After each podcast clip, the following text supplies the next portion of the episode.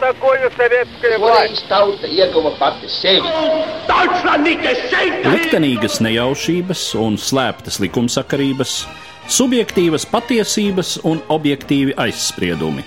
Pēc atkušņa nekad nenāk uzreiz pavasars, bet sākās Arī šodien cilvēki ir ļoti tūredzīgi. Viņi redz to naudu, kas ir. Televīzijā jau pamatā notiek cīņa par varu. Pagātne no šodienas skatu punkta un šodienas caur pagātnes prizmu. Raidījumā šīs dienas acīm. Latvijas radio eterā Eduards Liniņš. Labdien, cienījamie klausītāji! Mans sarunas biedrs studijā šodien - vēsturnieks, augstskolas turība profesors Valdis Blūzma. Labdien! Labdien!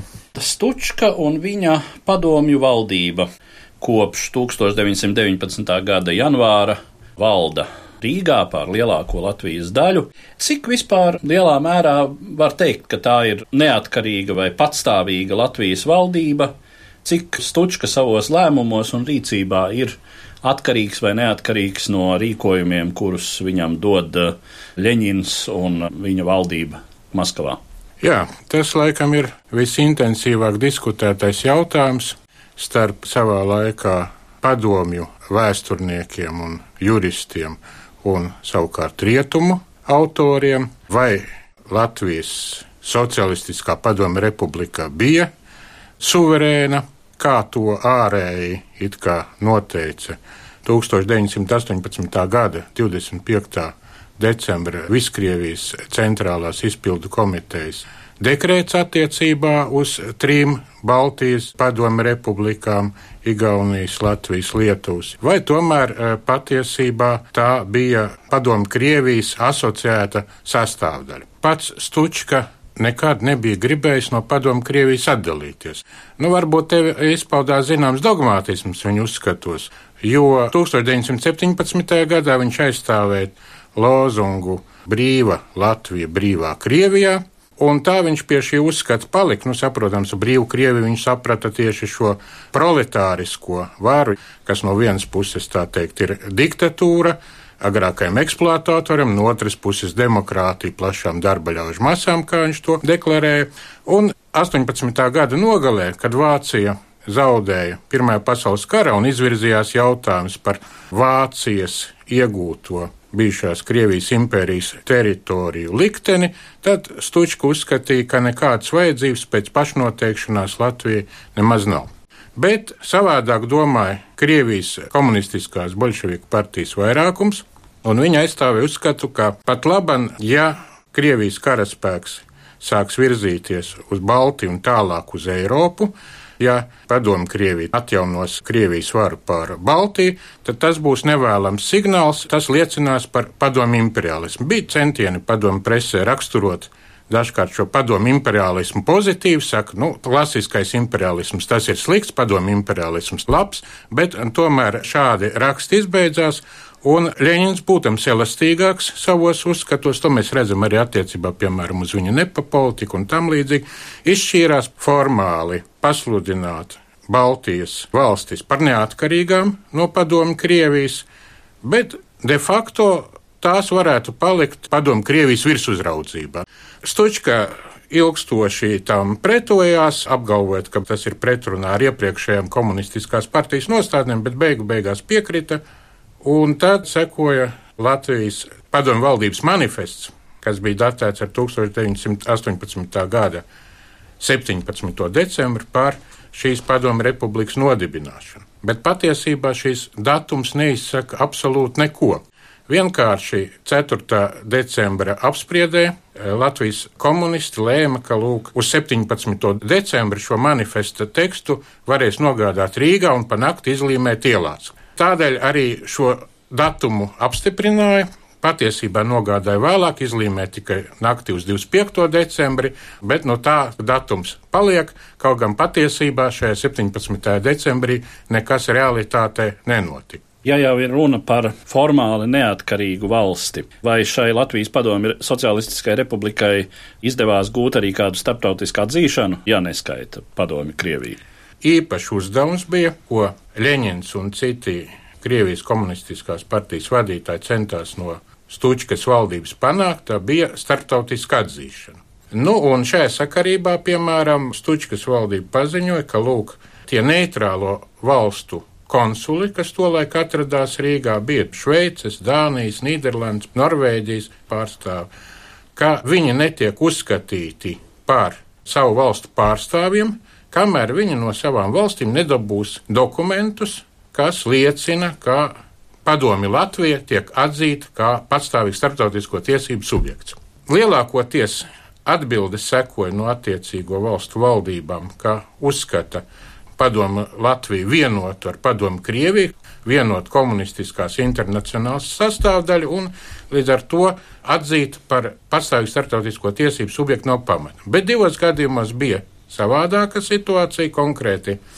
Nīderlandes valdība atzina padomu Latviju de facto par starptautisko tiesību subjektu, un kā liecināja arī vēl tā laika arhīvu materiāli, Zviedrija esot atzinusi, bet slepeni padomju Latviju de facto kā starptautisko tiesību subjektu. Tiek uzskatīts, ka padomju Latvijas de facto atzinums no Nīderlandes un Zviedrijas puses saistāms ar vēlēšanos izglābt vai pasargāt šo valstu pilsoņu, kas šeit Latvijā atrodas, dzīvības un arī viņu mantu no postošām rekvizīcijām un tam līdzīgi. Tādēļ vajadzētu arī šos lēmumus skatīt vēsturiskā kontekstā un nedomāt, ka Nīderlanda vai Zviedrija loloja cerības par turpmāku diplomātisku attiecību attīstīšanu ar padomu Latviju, bet vienkārši rīkojos ņemot vērā bīstamo režīma dabu kas attiecas piemēram uz tādu pat priekšlikumu nodibināt diplomātiskās attiecības un uzsākt savstarpēju tirzniecības apmaiņu, kas izskanēja no tolaik suverēnās Gruzijas puses, kas nebija Padomu republika. No, tur, tur pie varas bija Menševiki. Jā, tieši tā. Gruzijas pārstāvis Maskavā Hundadze ierosināja nodibināt diplomātiskas attiecības ar Padomu Latviju, bet var atrast uz šī priekšlikuma Stučkas rezolūciju, noraidīt neatbildot. Nu, acīm redzot, uzskatīja, ka tā sasaistītu padomu Krievijai turpmāk rokas cīņā par šī mazinieku režīma likvidēšanu Grūzijā, pārveidošanu to par bolševistisku Grūziju, kāds notika 1921. gadā. Nu, tik tālu par Stučkas režīma ārlietām, bet, eh, protams, daudz būtiskāks aspekts Latvijas vēstures kontekstā ir šī režīma iekšpolitiskā darbība. Jāsaka, arī viens no tiem režīmiem, kas ļoti straujā tempā zaudē politisko kapitālu, kurš tam sākumā ir. Vēlreiz var atgādināt jau daudzreiz izskanējušo patiesību, ka 1918. gada novembra otrajā pusē, decembrī, Stučkas valdības politiskais kapitāls Latvijas sabiedrībā ir krietni lielāks nekā tas ir Ulmaņa pagaidu valdībai, kuru daudzi šeit uzlūko par vienkārši vācu okupācijas varas pilnīgiem vai daļējiem kolaborantiem un par diezgan neperspektīvu. Tādā nozīmē, ka diezin vai šāda valdība šeit var noturēties. Tiešām, ja runa par laiku līdz 18. gada decembrim, tad tā arī izskatās, ka šo valdību gluži vienkārši samals starp vācu un bolševiku interesēm šeit Latvijā. Stučkas valdība, kas ap jauno gadu triumfējot ienāk Rīgā, jau pēc dažiem mēnešiem ir savu politisko kapitālu zaudējusi. Acīm redzot, īpatnējas politiskās darbības rezultātā. Tas ir tāds spilgts piemērs, ka ir iespējams ļoti īsā laikā pazaudēt ievērojamas tautas daļas atbalstu. Un to Pēteris Tučka ar eh, savu tādu nepārdomātu iekšējo politiku lielā mērā arī paveica. Attiecībā uz padomju varas krišanas cēloņiem 1919. gadā padomju historiografijā dominēja viedoklis, ka pie visa vainīga ir starptautiskā intervencija, bet kas attiecas uz Latvijas komunistiskās partijas vadību, vienkārši tādi bija grūti apstākļi, un īsā laikā nevarēja panākt principiālu lūzumu. Savukārt, kas attiecas uz rietumu pētniekiem, tad tie vienmēr ir arī norādījuši uz sociālo pārkārtojumu problēmām, kas ātri vien cilvēkiem lika zaudēt ilūzijas par uh, Latvijas komunistiem. Šeit ir jāatzīmē vispirms, no kurienes tas uzticības kredīts izveidojās. Uzticības kredīts izveidojās vēsturiski, kur jau uh, Latvijas sociāldemokrātija sevi pieteica 1905. gada revolūcijā ļoti aktīvi kā revolucionārā partija. Tālāk 1917. gadā legalizējoties atbalstīja tādu radikālāko programmu, plus vēl kritizēja pilsoniskās partijas, ka tās esot balstījušās carisko režīmu, mēs tā teikt pret carismu cīnījāmies pagrīdē visus šos gadus, plus vēl viens moments, profesors Ezergailis ir uzsvēris šo momentu, ka ilgus gadus frontes līnija gāja tieši caur Latviju, līdz ar to postījumi un upuri bija ļoti ievērojami Latvijā. Šajos apstākļos cilvēki bija gatavi balstīt radikālāko pieju, kur ar vienu sobene cirtienu izdosies nokārtot mūžīgu mieru, bez aneksijām un kontribūcijām un tā tālāk un tā joprojām. 1919. gadā, kad ienāk sarkanie strēlnieki, atkāpjas vācieši. Saprotams, uzreiz tāds priekšstats, ka viņi šos vāciešus aizdzen, viņi atbrīvo Latviju, tad tiks nodibināts beidzot eh, sociālais taisnīgums, apmierināts nacionālās intereses un tam līdzīgi. Rezultāts bija bēdīgs, laikam. Pie vainas ir arī šī dogmātiska stučkas domāšana, neskatoties uz to, ka ierodoties Rīgā, viņš redzēja, ka cilvēki ir pusbadā, ka viņi ir ruinēti, rūpniecība Rīgā vairs neeksistē, neskatoties uz to, tikpat iesākam pilnā apjomā socialistisko pārveidojumu programmu, tas ir eh, nacionalizējam visu, ko iespējams nacionalizēt, tāpat arī laukos zeme tiek nacionalizēta, zemniekam tiek noteikts, ka ir tiesības zemi rentēt uz gada termiņu. Te, nu, ja nevienam jāskaidro, ko nozīmē īstermiņa rente lauksaimniecībā. Savukārt, kas attiecas uz mūžām, tad tās, saprotams, tiek pārveidotas par padomu saimniecībām, plus vēl piemājas saimniecības tiek apcirptas, individuālos lopus jānotot šai saimniecībai, lai iznīdētu privāti īpašnieciskos instinktus. Laukstrādnieki iebilst, ka lūk, virzās vācu karaspēks un varbūt būtu saprātīgāk, lai tie lopi būtu izdalīti saimniecībās. Tas netiek uzklausīts. Plus vēl pārtikas repartīcija, tas ir atņemot zemniekam izaudzēto, bet atstājot tikai minimumu, varbūt ar kuru varēja kailot dzīvību izvilkt. Tirzniecības sagraušana, tas viss noveda Latviju ļoti smagā stāvoklī, un tādēļ nav brīnums arī, ka cilvēki izdzirdot par šīm sociālajām pārmaiņām laukos, dzīšanu komunās, vienkārši uzskatīja, ka vairs nav vērts cīnīties par šo režīmu, dezertēja no sarkanās armijas no latviešu strelnieku pulkiem un attiecīgi pievienojās Latvijas eh, pagaidu valdības bruņotajiem spēkiem. Vēl bija cerība uz, zinām, Krievijas palīdzību šajos grūtajos apstākļos, bet Krievijas saimnieciskās institūcijas sāka rīkoties Latvijas teritorijā kā kungi. Stučka paziņoja, ka beigu beigās, ja jau ir pasludināta patstāvība, tad jums jāsadarbojas ar centrālajiem Latvijas iestādēm, nevis patiešo kaut kas te ir jāmēģina. Iznāca konflikts ar Krievijas tā laika padomu valdības vadītāju Rikovu, kur rezultātā pat Krievija apgrūtināja preču plūsmu uz Latviju, tā kā tas vēl radīja papildus problēmas. Un vēl viens interesants moments ir vietējās naudas kursa pazemināšana, ko veica Stučka, kas radīja izdevīgu augsni spekulantu darbībai, vest preces no Latvijas pārdošanai uz Maskavu, kur varēja kārtīgi iedzīvoties bagātībā. Nu, lūk, vesela virkne te momentu.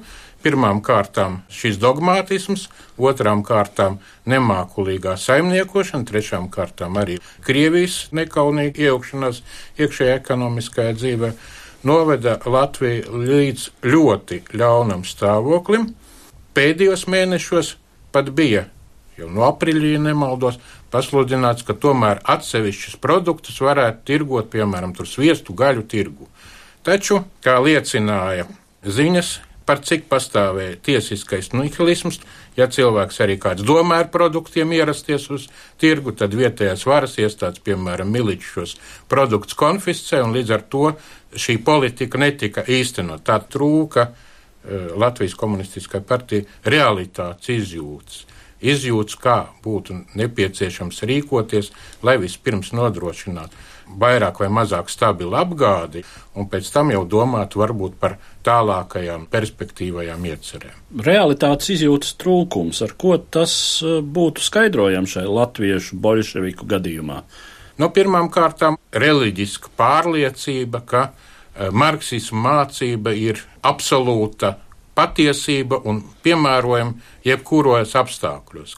Otrs moments, nu, tas priekšstats, ka lūk, e, Latvija ir augstāk rūpnieciskā ziņā attīstīta nekā, piemēram, Krievija, un ka šeit varētu spērt tālākus soļus. Lūk, ja Krievijā zemi dalīja zemniekiem, tad šeit uzskatīja, ka to nav jādara. Uzreiz jāveido lielās valsts saimniecības, uz mūžu bāzes, nemaz neiedomājoties par cilvēku interesēm un vajadzību. Stučka bija jurists, bet viņam nebija dziļāku priekšstatu par ekonomisko dzīvi. Citi piemēram, kas attiecas uz partijas vadību, tad viņi samērā maz tomēr bija saistīti ar saimniecisko dzīvi. Acīm redzot, vajadzēja piesaistīt speciālistus, bet tiem nebija uzticības. Tie tā teikt bija buržāziskie speciālisti. Tādēļ arī parādījās tāda vienkāršota pieeja komunistiskās partijas nostādnēs un pieņemtajos lēmumos. Varētu pieskarties jautājumam, kas tad tie bija par cilvēkiem, kuri pulcējās ap Stučku viņa valdībā. Kas attiecas uz komunistiskās partijas eliti, tad vispār viņa nāca no turīgām aprindām, jo, piemēram, ja mēs runājam par pašu Stučku, tad eh, viņš bija cēlies no turīgas ģimenes. Tas pats arī attiecas uz Deņševski, kuram tēvs bija liels zemes rentnieks. Ja viņi nenāk no tam turīgām aprindām, tad viņi nevarētu arī iegūt to augstāko izglītību. Stučka mācījās Pēterpils universitātē, pēc tam kā zvērināts advokāts strādāja eh, Vitebskā un Tādēļ arī varbūt tika runāts Padomu Savienībā, ka mm, tieši padomu tiesību viens no pamatlicējiem ir Pēteris Tučka, tādēļ, ka arī viņa pieredze tiesību jomā bija daudz ievērojamāka nekā, piemēram, eh, Leņķina pieredze, un tādēļ arī viņam virzīja, un vienu brīdi viņš arī pildīja tieslietu ministra pienākumus. Bet jāatzīmē, ka tieši Stučka ir vainīgs pie tiesiskā nihilisma izplatības gan Latvijā, gan arī padomi Krievijā. Pieļāva tiesiskā vakuma veidošanos, tātad vecās tiesības tiek atmestas, to vietā parādās revolucionārās varas dekrēti. Otrais avots bija Krievijas komunistiskās bolševiku un Kreiso esaru partiju minimāla programmas, unikāls gadījums, kad par tiesību avotiem atzīst partiju programmas.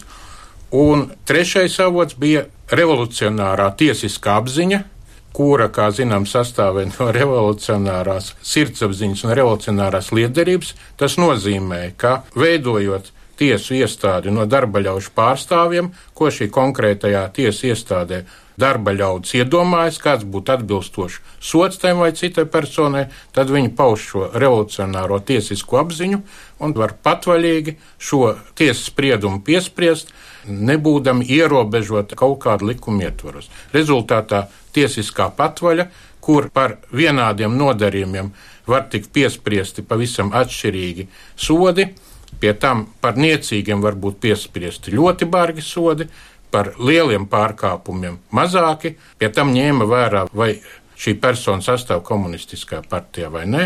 Nu, skaidrs, ka šī tiesiskais nihilisms arī ļoti nopietni grāva padomu Latviju. Vēlāk jau sāka sludināt, ka jāievēro tā saucamā socialistiskā likumība, ka tur, kur jau ir revolucionārie dekrēti, tur tribunāli nevarētu šos revolucionāros dekrētus pārkāpt, bet tas neko daudz e, nelīdzēja. Runājot par tiesiskumu un pilsoņu tiesību īstenošanu šajā režīmā, mēs tuvojamies tādam ar Stučkas režīmu diezgan cieši saistītam jēdzienam kā sarkanais terors. Tas nav Stučkas izgudrojums, tas ir krietni plašāks e, faktors, bet e, ko varētu teikt par šo Stučkas valdības darbības aspektu? sarkanais terors pieņēma plašus apjomus padomju Latvijā 1919. gadā, jo vairāk nācās ciest dažādas neveiksmes, vai nu tas bija frontē vai iekšējā politikā, tad saprotams, ar vienu pastiprināja šo vainīgo meklēšanu. Kas attiecas uz sarkano teroru, tad tas tika balstīts priekšstatā, tos tučkas, starp citu, juridiski pamatoja. Vecās tiesības šai gadījumā piemērot nav iespējams cīņā ar šķiriskajiem pretiniekiem, līdz ar to atliek viņus revolucionāro tribunālu lēmumiem iznīcināt. Bija tāda īpatnēja lielinieku nostāja nāves soda jautājumā. Viņi visu Kerenska valdības laiku cīnījās pret nāves sodu atjaunošanu frontē, bet pēc tam tika paši pie varas. It kā nāves sods būtu pilnībā jāceļ. Bet, saprotams, Leņņņins saprot, ka šajos konkrētos apstākļos diez vai tas ļaus viņam nostiprināt varu, tādēļ uzstāja uz nāves sodu atjaunošanu. Beigu beigās vienojas par to, ka nāves sods tiešām tiek atcelts, bet eh, Čeka izpildīs šos nāves sodus, tā teikt, administratīvā kārtā. Nenovedot lietu nemaz līdz tiesai. Nāves soda nav, bet sodīšana notiek.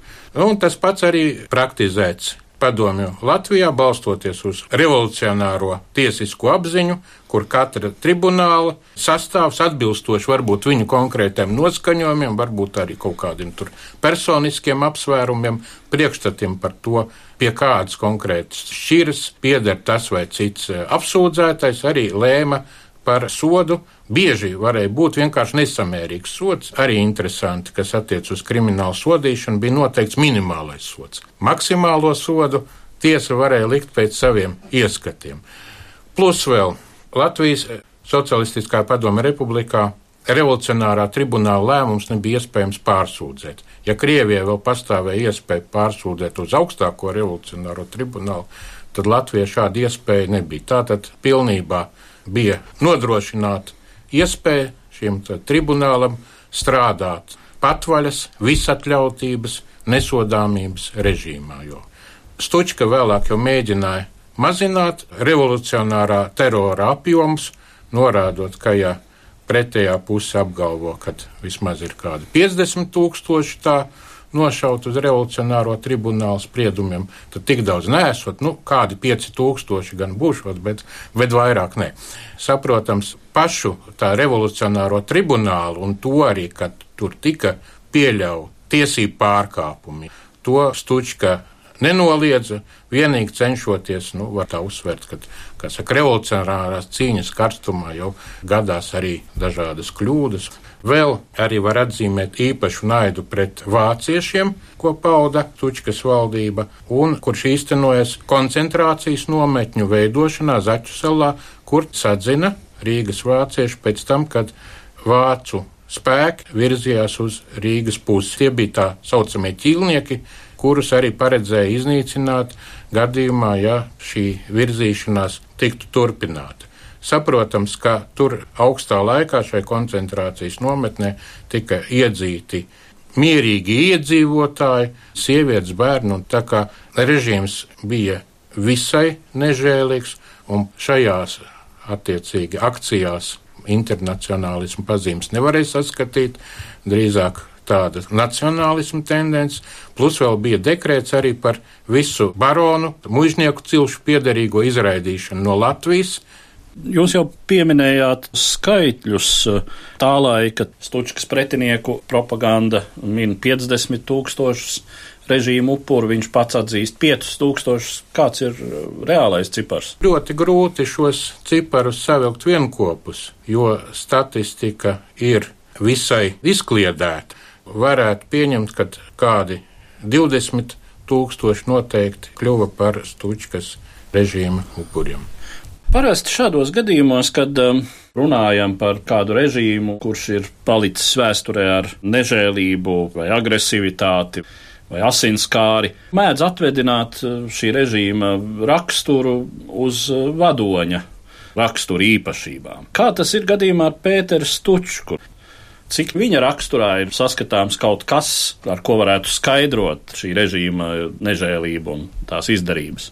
Pēteris Tučku laika biedri kvalificē kā pedantisku cilvēku, arī bieži vien atzīmē, ka viņam raksturīgs, nu, varētu teikt, tāds zināms asketisks pat dzīvesveids. Viņš acīm redzot arī ietekmējās no iepriekšējiem 1905.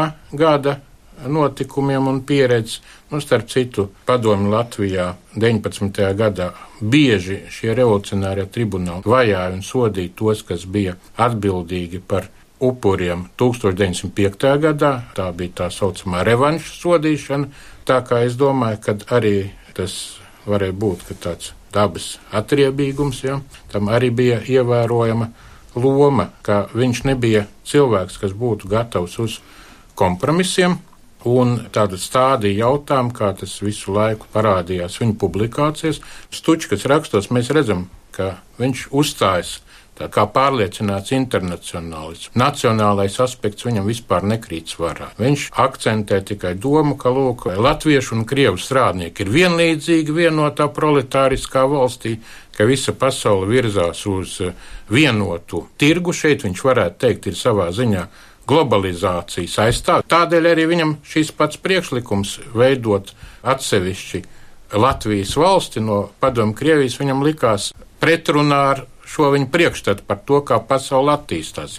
Ļoti, varētu teikt, tāda schematiska, manuprāt, dogmatiska pieeja un nespēja paraudzīties uz konkrētiem apstākļiem, trūka viņam vēsturiskās perspektīvas.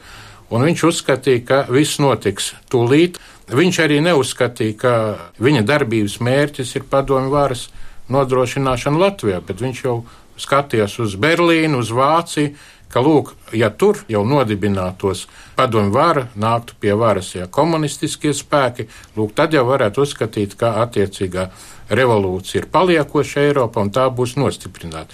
Vispār jāatzīmē, ka šeit Latvijas komunistiem ir tāds divpusējs skatījums. Vēsturiski jau viņi veidojās vācu sociāldemokrātijas radikālāko spēku ideju ietekmē, un to var redzēt, ka nereti uzstājoties arī Latvijas padomju valdības sēdēs tiek paziņots, ka tādu razbainieku komunismu kā Krievijā nevajag, tādu mēs nepieļausim.